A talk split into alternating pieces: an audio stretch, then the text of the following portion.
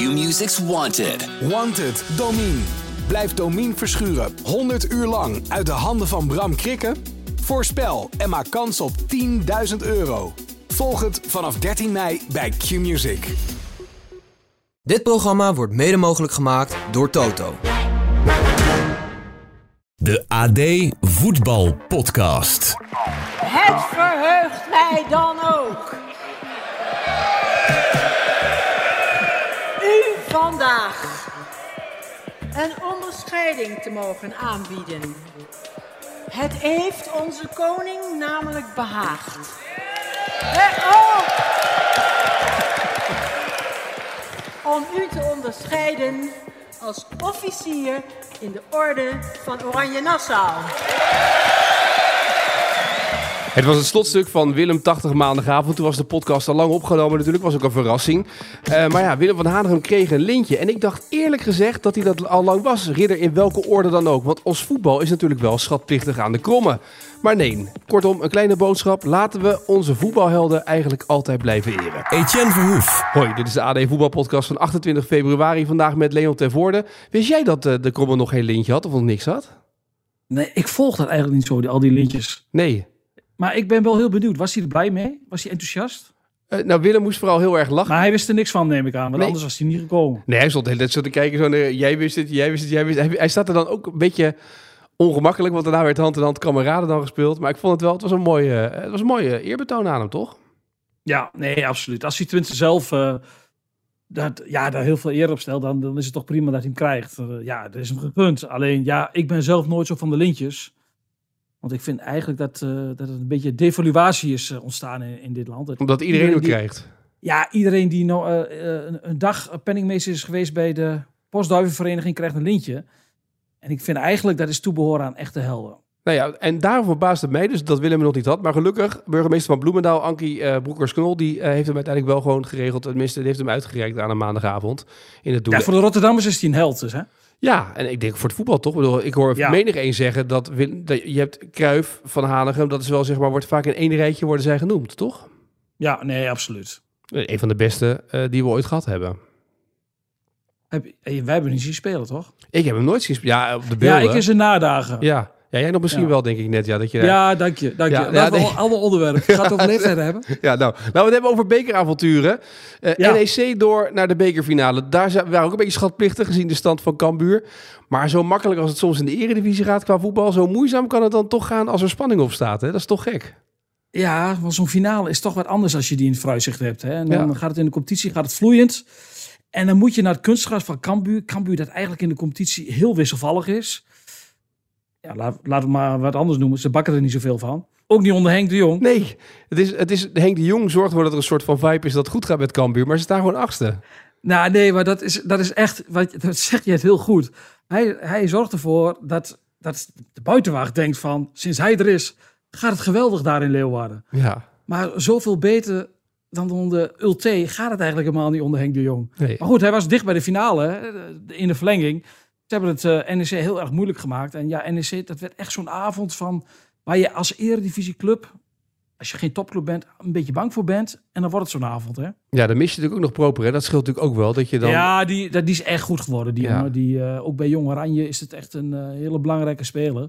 Ja, ik zat zaterdagavond naar die wedstrijd te kijken... en toen wist je al meteen, en hij wist het ook meteen dit wordt geen halve finale dinsdag. Nee, precies. En dan dat voetballende vermogen, waardoor dat spel versneld kan worden op het middenveld, dat heb je dan toch nodig in dit soort wedstrijden. Hè? Dat is dan wel. Schöne is, is meer een vertrager geworden op, op, op zijn leeftijd, hè? met alle respect. Ja, ja, het is meer iemand die je inbrengt zeg maar, om nog wat controle te houden in een soort van slotfase of zo. Ja. Maar dat is niet meer de man die, die het spel versnelt of op een bepaalde manier kan versnellen voor je dan. Nee, en dat is toch nodig hè, als je, als je de betere ploeg bent en je uh, verwacht wordt dat je het spel gaat maken in zo'n wedstrijd.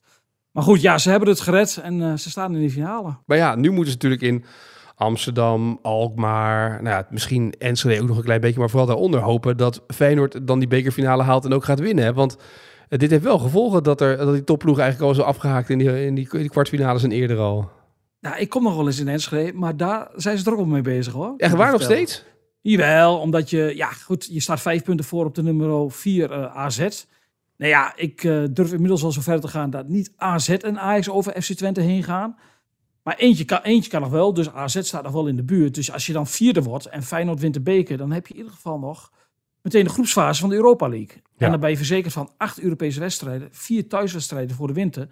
Ja, dat is financieel natuurlijk ook hartstikke aantrekkelijk. Ja, want de nummer 5, als Feyenoord de beker wint, gaat ook de nummer 5 eh, Europa gelijk al in. En dan gaan de play-offs worden dan daaronder gespeeld, hè? Ja, de nummer vijf gaat dan, eh, die moeten dan wel eerst voorronde nog spelen Ja, in, precies. eh, in augustus. Ja, maar dan, dus eigenlijk is het voor al die ploegen die bij de eerste vijf staan bijna essentieel dat Feyenoord... Die moeten allemaal gaan juichen voor Feyenoord nu. Als, Twente, als Groningen wint donderdag, dan hebben ze een probleem.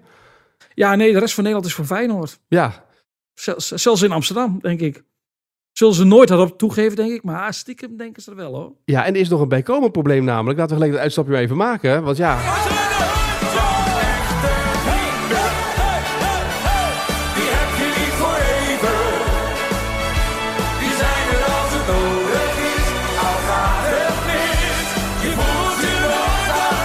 Ja, ik vond het wel toepasselijk dit liedje. En dit waren de toppers natuurlijk. En de toppers treden op in de Johan Cruijff Arena natuurlijk altijd in de zomermaanden. Maar ja, dat hebben ze, die hebben wel een uitdaging. Als Ajax play-offs moet spelen, dan staan de toppers in de arena. Eindelijk, zal de cynische Amsterdammer zeggen. Ja, precies. Ja. Heeft Ajax eindelijk een keer dat ze play-offs spelen om Europees voetbal. En dan eh, staan die toppers staan in de weg. Ja, ja, ja, het is wel zo. Het is wel, de opzet is veranderd. Dus als jij de hoogst geclasseerde speelt de thuiswedstrijd. Dus als Ajax zo doorgaat, dan zijn ze ook niet de hoogst geclasseerde. Dus hebben ze een uitwedstrijd in die... eh, Ja, in die dat zou dan de redding zijn voor de hè? toppers. Ja, het is maar één wedstrijd nu. Hè? Ja, Dus precies. Meteen een halve finale en dan één wedstrijd finale. Maar goed, Dus dat is- kan ze nog redden.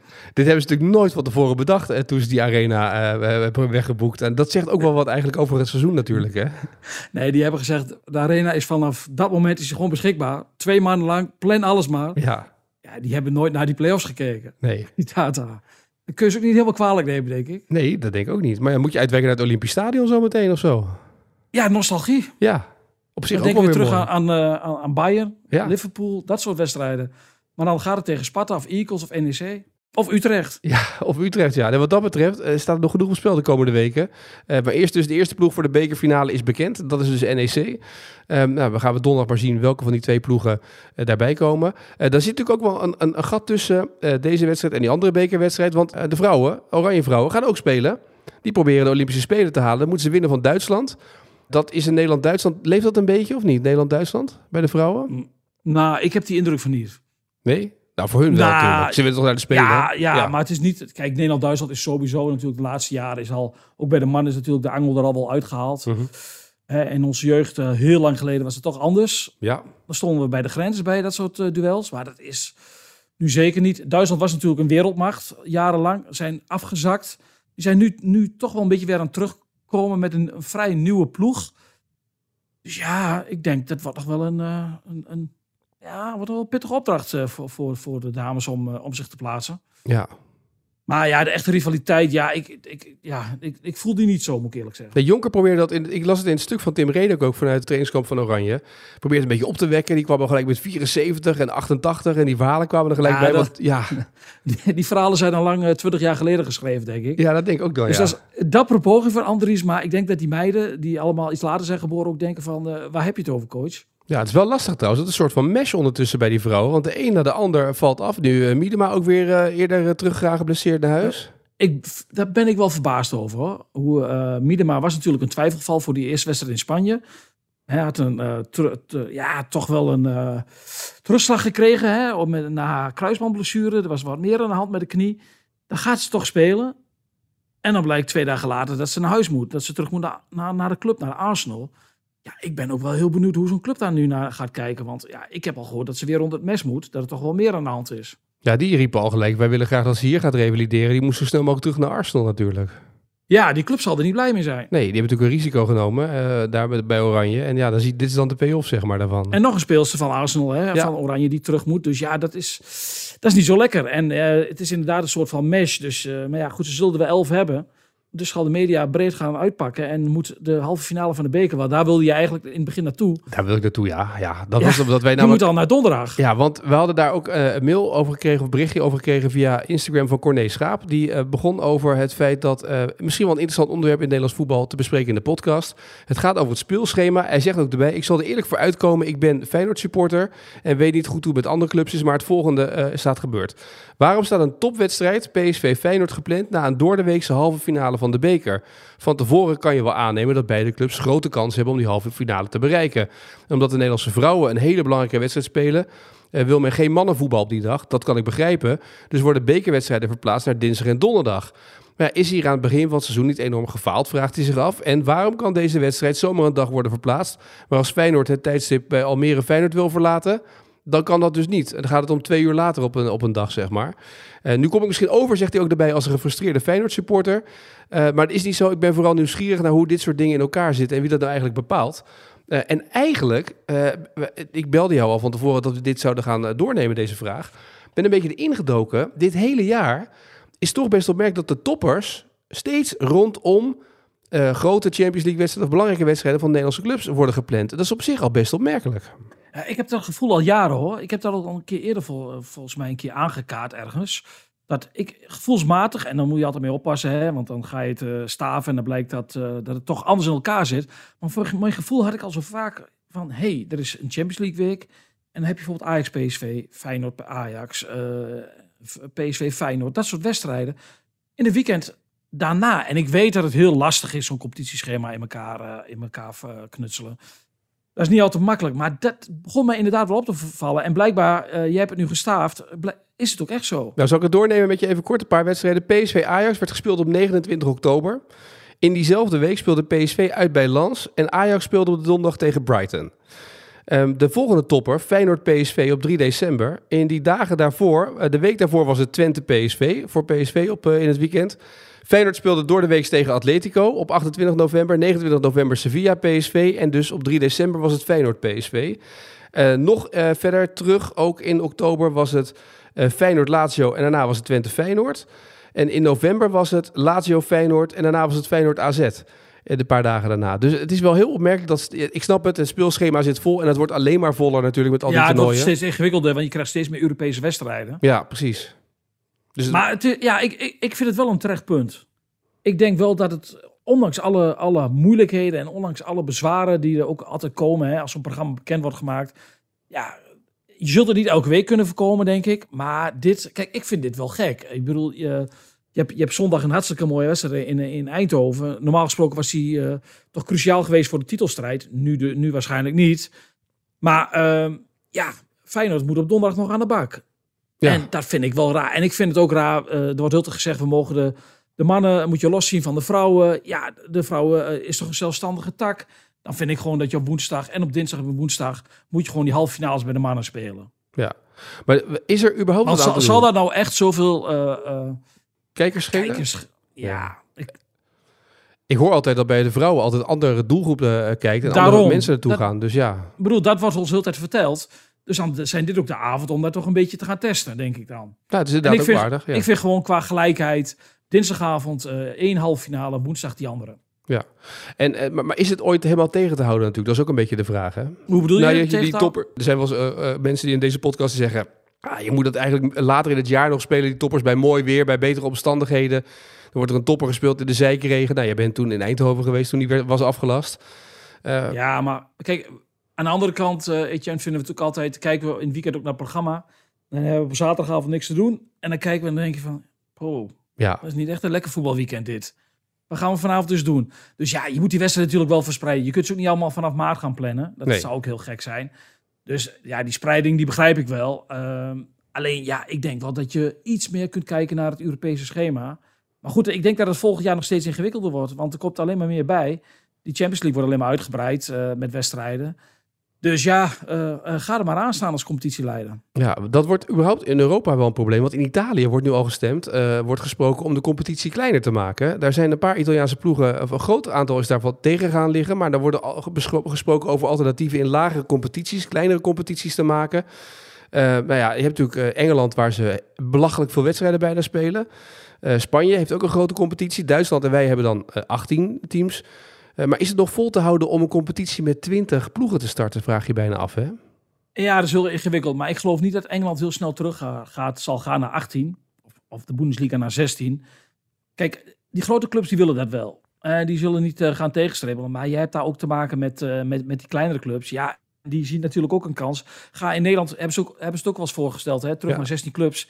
Ja, je krijgt handen niet voor op elkaar. Geen Nee. meerderheid. Nee, precies. Maar in Italië dus ook nu niet om terug te gaan van 20 naar 18 of zo. Dat willen ze ook niet in die competities. Maar er is natuurlijk wel ergens een grens aan wat je kan doen. Als je die, die spelers allemaal hoort die steeds zeggen... ja, ik heb dit jaar 60 wedstrijden gespeeld. Eh, het is wel even goed. Ja, wat ik, wat ik dan niet snap is eh, dat die clubs, eh, ja, zo'n WK-clubteams, dat zit echt niemand op te wachten. Wordt alleen maar uitgebreid. Dan zou ik als zo'n Manchester City, want ja, het, het- het is een prijs, maar voor de rest buiten, buiten de City-fans is daar niemand mee bezig met zo'n finale. Ja, dan denk ik, stuur eens een keer gewoon een B-selectie. Maak eens een keer ook een statement. Maar ja, ook daar gaat het prijzengeld omhoog. Dus ja, de oplossing die, eh, die is er niet, want die kalender wordt alleen maar volle, volle en volle gepropt. Ik, ik, had, ik sprak vorige week met, met Jill Rood naar aanleiding van haar ble- blessure, ook bij de dames. Zij is dan nu geblesseerd, maar ze heeft zes zomers op rij een groot toernooi gespeeld. Ja, bizar hè, eigenlijk. Dat is niet vol te houden. Nee. Nou ja, en je ziet natuurlijk in Engeland heb je de League Cup. En dat wordt vaak al, eh, zegt elke trainer, zegt, doe dat lekker bij B-garnituur. Niet te veel zeuren, want dat is zeg maar zo'n zo'n B-toernooi eigenlijk. Sommige competities hebben het ook al afgeschaft. Hè? Zo nog een tweede eh, cup in de competitie eh, erbij eh, hebben. Ja, totdat je in de halve finale komt en dan wordt het toch wel weer spannend. En, eh, maar goed, kijk eens naar de, naar de selectie van Liverpool. Hoeveel blessures die hebben. Ja, Want die hebben, ik bedoel, je zag overal eh, afgelopen zondag, nadat ze de League Cup hadden gewonnen, tegen Chelsea filmpjes van, hey, dit is het elftal van uh, gekscheren van Liverpool. En dan kwam er zo'n schoolklasje uit de bus. Ja, dit zijn allemaal jeugdspelers die, eh, die daar op het veld lopen. En die hebben toch een vrij brede selectie. Dus ja, het is bijna niet vol te houden, maar ze blijven maar proppen, proppen, proppen op die kalender. ja, en dan wordt je selecties moeten groter worden. Maar ja, dan is ook weer de vraag, eh, voor, welke club is, eh, voor welke clubs is dat dan weer houdbaar? Want ja, op een gegeven moment is het ook een grens aan je financiële mogelijkheden natuurlijk. Ja, bij sommige clubs niet, hè? en die profiteren daar weer van. Want Ja. die hebben dan weer een selectie van 30 man. Dat is waar. Hey, stel nou dat je in de winter een mooie transfer hebt gemaakt. Want je, je bent ervoor gaan liggen om terug te keren naar de club waar je onder contract staat, waar je de jeugd hebt doorgemaakt. En je zegt, joh, ik heb een mooie transfer kan ik maken naar de Bundesliga. En daar kan ik ook veel meer gaan spelen. En dan blijkt achteraf dat je zo eind februari zit. En dat je eigenlijk veel minder hebt gespeeld dan je het afgelopen jaar in Eindhoven hebt gespeeld. Jorbe Vertessen. Met wat voor gevoel zit je daar dan, vraag ik me dan echt af. Ja, hij heeft wel een beetje van zich afgebeten hè, in de pers. Ja, en ook. Ik vind dat ook niet heel slim. In Duitsland is het niet heel slim om dat te doen, toch? Nou, ik vind het vrij vroeg. Ja. Je bent een maand daar en, eh, en dan ga je dan al klagen over het weinig speeltijd. Ja, daar houden Duitsers niet zo van. Nee, hij had gezegd, ja, ik, eh, in het begin snap ik dat het aanpassing had, maar dat was de eerste week, denk ik, twee weken. Maar nu wordt het wel tijd ook wat meer gaan spelen. Ik ben gekomen om te spelen hier. Ja, ik weet niet welke afspraken die met de club heeft gemagemacht en welke garanties hem zijn gegeven. Nou kun je in voetbal nooit garanties geven. Dat moet je ook als trainers nooit doen. Maar om spelers te krijgen, wordt dat vaak wel gedaan. Hè? Dan worden, zij worden eh, spelers daarmee gek gemaakt. Ja, ja, het is wel bijzonder. hij, hij wilde per se daar naartoe. Hij wilde echt gaan spelen. Ik snap daar ook in, in zijn situatie. Hij heeft natuurlijk bij PSV jarenlang... eh, eh, kwam hij niet in, in, in het stuk voor. Ja, en maar ja, aan de andere kant, hij zit er net een maand. Ja, ja, dat is het moment om aan de bel te trekken, hè, na een maand. Nou, ik vind het wat rijkelijk vroeg. Ik vind het ook wat onverstandig.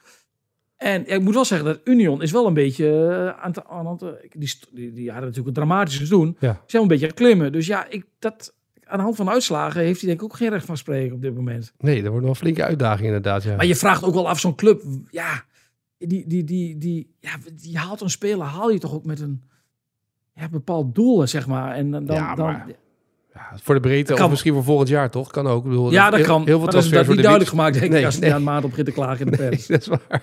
Dat, Ik denk dat er ergens een communicatiestoornis is geweest tussen Tessen en Union Berlin. dat denk ik ook, ja. Hij had in Eindhoven had hij in ieder geval meer minuten gemaakt tot op heden, denk ik. Ja, ook de laatste tijd pas een beetje. Hè? Ja, Ja, precies. Ja, dat klopt. Ja. Maar met die blessures had hij in ieder geval wat meer minuten kunnen maken. nu wel, zeker. Ja, Ja. want nu eh, heeft PSV opeens te weinig vleugelspitsen, hoor je over. Het is wel een bijzonder verhaal dat hij ineens nu in de, in de, in de Duitse media dit verhaal dan eh, gaat doen. Hey, ben jij trouwens fan van de voetbalscholen of niet? Ja en nee. Oh. Dit is, Ja, wat, is, het- wat is het voor CDA-antwoord dit? Je zit echt is zeg maar niet links, niet rechts. CDA-gebied, hè? Ja, ja, dat blijkt, ja. Nou ja, kijk, ehm, hier in de regio hebben ze wel last van de commerciële voetbalscholen die eh, spelers eh, weghalen bij, eh, bij, bij clubs en die dan eh, ook aan de competitie mee gaan doen onder de vlag van een amateurclub. Clubs. Eh, en dat heeft heel kwaad bloed, veel kwaad bloed gezet. En daar ben ik geen voorstander van. Kijk, eh, een commerciële voetbalschool, eh, als een jongen gewoon bij de club of een meisje bij de club blijft spelen en die heeft op vrijdagavond nog een extra training van goede trainers, ja, daar is niks mis, mis, daar is niks mis mee in mijn ogen. Nee. Alleen ik heb wel moeite met, met de opzet van die commerciële voetbalscholen, die dan ook als een soort van BVO dan ook eh, BVO'tje gaan spelen en dan ook echt spelers gaan ophalen en uit het hele gebied. En dan eh, aan de competitie meedoen.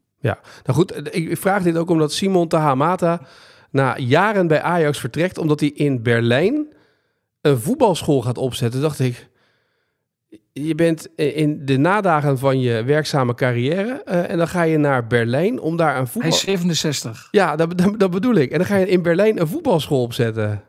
Ja, ik snap hier niks van. Maar ik, ik ben heel benieuwd van... Oh, oh, ik heb meerdere vragen. Jij denk ik ook, hè? Ik had dat dus ook toen ik het zag, het bericht. Ja, ik, ik denk begin dan een voetbalschool in Weesp. Ja, bijvoorbeeld, ja, ja. Ja. Of in Almere. Maar hoe komt Simon Tawahata op zijn 67 in Berlijn terecht? Ja, en er zit een businessmodel achter. Altijd, dus ze hebben bij Ajax ook gezegd, we gunnen hem deze kans en dat soort dingen allemaal. Er zit een heel model achter. Ja, welk model? Ja, Dat, dat weten we nog niet, hè? nee, ik, nou, ik vind het fascinerend. Ik vind het ook Hij zeg kan maar... misschien uh, Vertessen wat, eh, wat bijscholing geven. ja, maar die, dit, die heeft toch tijd zat. Ja, die hebben wel tijd over. Maar dit, dit verdient wel wat. Maar ik vond het zo'n bijzonder verhaal dat je daar de hele voetbalschool in Berlijn gaat opzetten. En dan vraag ik me ook af, kennen de mensen in Berlijn Simon Tahamata? Nee, ja, dit is, dit is een heel bizar verhaal. Ja. Er, er moet, moet inderdaad een businessmodel zitten waardoor hij heel veel geld gaat verdienen. Dat kan niet anders. Ja, Kijk, Simon is een liefhebber, hè? Ik bedoel, eh, dat vind ik ook mooi. Ik vind het mooi dat je het doet. Ik vind het fantastisch. ja, als je op je 67, uh, Wiel Curve deed het ook, hè? Die was ook op zijn oude dag, deed ook nog, eh, kap- en draaioefeningen. Dus dat is geweldig. En Simon, ja, voor de jongere luisteraars, het was natuurlijk een geweldige pingelaar, een heerlijke voetbal om naar te kijken, die je nu niet meer op de Nederlandse velden ziet. Dus ja, dat is allemaal heel romantisch, maar dit is wel, ja, bizar. Dit is toch wel een mooi verhaal ook gewoon. Dennis van Ja, Bergen. 67 Dennis van Bergen zou dit moeten maken. Pensioen. Ja. Maar dan komt hij op een dag thuis en dan zegt hij, ik ga een voetbalschool beginnen in Berlijn. ja, maar dat je ook inderdaad met dat verhaal thuis komt bij je vrouw. Die zegt, schat, we gaan naar Berlijn. Ja, Ja, uh, Wiel Curve is dat natuurlijk gewoon in Delft. Die deed het gewoon, de, die deed daar de voetbalschool natuurlijk. Dat is nog een beetje Ja. in de buurt. Maar ja, om nou naar Berlijn te gaan, nou goed. Ik, ik hoop dat binnenkort iemand met een uitgebreid verhaal met... eh, dat we iemand op het idee hebben gebracht om met een uitgebreid verhaal te komen. Want dat verdient dit wel, zeg maar. Dit verdient eh eh, ja, onderzoeksjournalistiek. dit, ja dit, is, oh, dit is onderzoeksjournalistiek. Ja, even terug ouderwets. Dat is dichter bij jou toch? Jij kan toch wel een keer gaan? Bij een Interland weekend. Ja, maar wat, het, dit is ook zo weer zo dichter bij jou. Ja, het is, dichter bij jou, het is dichterbij voor jou dan voor mij. Ja, dat, dat, dat klopt. Maar alsof Nederland vanuit westen is het naar het oosten een hele reis. Is anderhalf uur. En meer niet. En, en, en, en, en ja, Nou, maar is afstanden- toch, als je dan toch naar Berlijn bent... En als wij naar Amsterdam moeten, denken we, ach, we zijn er zo. En jullie van Amsterdam eh, naar, naar het oosten moeten, is, is de wereld. Is de wereld groot. te groot? Oké, nou, dan. eh, maar goed, eh, vijf uurtjes met de trein. Nou, hier, dat bedoel ik. Dat is toch voor jou zo te doen dan? Ik vind het nu wel een mooie reportage voor jou. Jij, go- jij gooit dit even erin bij het AD? Ze luisteren mee. Ten voren naar Berlijn. Nee, maar als jij nu hoort, zeg maar, als jij, binnen, als jij morgen gebeld wordt, Leon, prima, eh, goede insteek. Jij spreekt de beste Duits van de hele redactie ook, denk ik. Nou, dat sowieso. Ja, zie je. Dus ik vind toch bij deze. Maar ik denk dat Simon niet zo goed Duits nog praat. Nee, dat is ook weer waar. Nou ja, goed. Maar dan doe ik wel een verhaaltje voor Tessen erbij. Dus dan de, dat eh, betaalt zich daar wel uit. hoor. Heel goed. Nou, geen wacht je die kant op. Zullen we tenslotte deze podcast wel door onze dagelijkse rubriek gaan? Ja, De vraag van vandaag. Dit was de vraag eh, van vandaag. Gisteren voor jou en onze luisteraars van Johan. En we blijven bij, een beetje bij het bekertoernooi en bij NEC. Wat was de laatste keer dat NEC de halve finale van het bekertoernooi bereikte? En wie was toen de trainer? Ja. Ik kreeg van Johan een prachtig plakplaatje opgestuurd ook eh, ter bevestiging van deze app. Maar weet je het nog? Nee? 2014 stond NEC ehm, voor het eerste, eh, stond voor, voor het laatste in de halve finale van de beker. ADO Den Haag werd eh, geklopt eh, in Nijmegen met 3-0. En de trainer, Anton Jansen. Mooie, mooie vraag. Moest ook even over nadenken. dus Al- Anton heeft een eh prijs. Ja, al waren er mensen natuurlijk die dat wisten. Tristan Bos, die zei via Instagram en daarmee ook gelijk de, de, de, de eervolle vermelding. Anton Jansen, tevens de man die de laatste penalty van PSV tegen Benfica nam in de Europa Cup 1 finale 88. In Stuttgart. Ja, precies. Dus eh, bij deze, dat was eh, het antwoord eh, en de eervolle vermelding. Dan mag jij de vraag voor morgen neerleggen. Ja, dan blijf ik toch bij het bekertoernooi. De stijl voor deze week. En ook in de stijl van, van de KKD, Eerste Divisieclub, zeg maar. Ehm, hoe lang is het geleden dat er een club uit de Eerste Divisie in de bekerfinale stond? Dat is te makkelijk, alleen die Ja. vraag. We moeten ook zeggen wie dat was Ja? en wat tegen ze de finale speelde. En de uitslag. Oké, dus wie, welke, wanneer was voor het laatst dat een, een club uit de KKD de finale haalde van het bekertoernooi? Ja. Welke club was dat dus? Ja, Tegen wie speelden ze de finale en de uitslag? ja, ja. Moet wel een beetje moeilijk maken. Zeker. Nou ja, dat is een, eh, een hele mooie vraag. Mocht je dit weten, laat het ons weten via X met de hashtag AD Voetbalpodcast. Of laat het ons weten via Instagram door mij een DM'tje te sturen. Morgen in deze AD Voetbalpodcast het antwoord. Ik neem toch aan dat dit basiskennis is voor Maarten Wijfels. Ja, als hij het niet weet, dan zit ik eh, donderdag weer bij jou in de podcast. Want dan eh, is hij gewoon van het lijstje afgehaald. Ja, dan wordt hij van het lijstje afgehaald. Ja, ik bedoel, dit is gewoon basiskennis. Dus eh, Ja. ik denk dat Wijfels dit wel zeker weet. Morgen meer erover. Morgen ook een vooruitblikken natuurlijk op eh, Feyenoord eh, dat tegen Groningen speelt in de beker. En eh, gaan we wat praten over alle andere actuele voetbalzaken. Leon, dank. Ik wens je een mooie dag en tot de volgende. Oké, doei doei. Dit programma werd mede mogelijk gemaakt door Toto. Q-Music's Wanted. Wanted, Domien. Blijf Domien verschuren 100 uur lang uit de handen van Bram Krikken? Voorspel en maak kans op 10.000 euro. Volg het vanaf 13 mei bij Q-Music.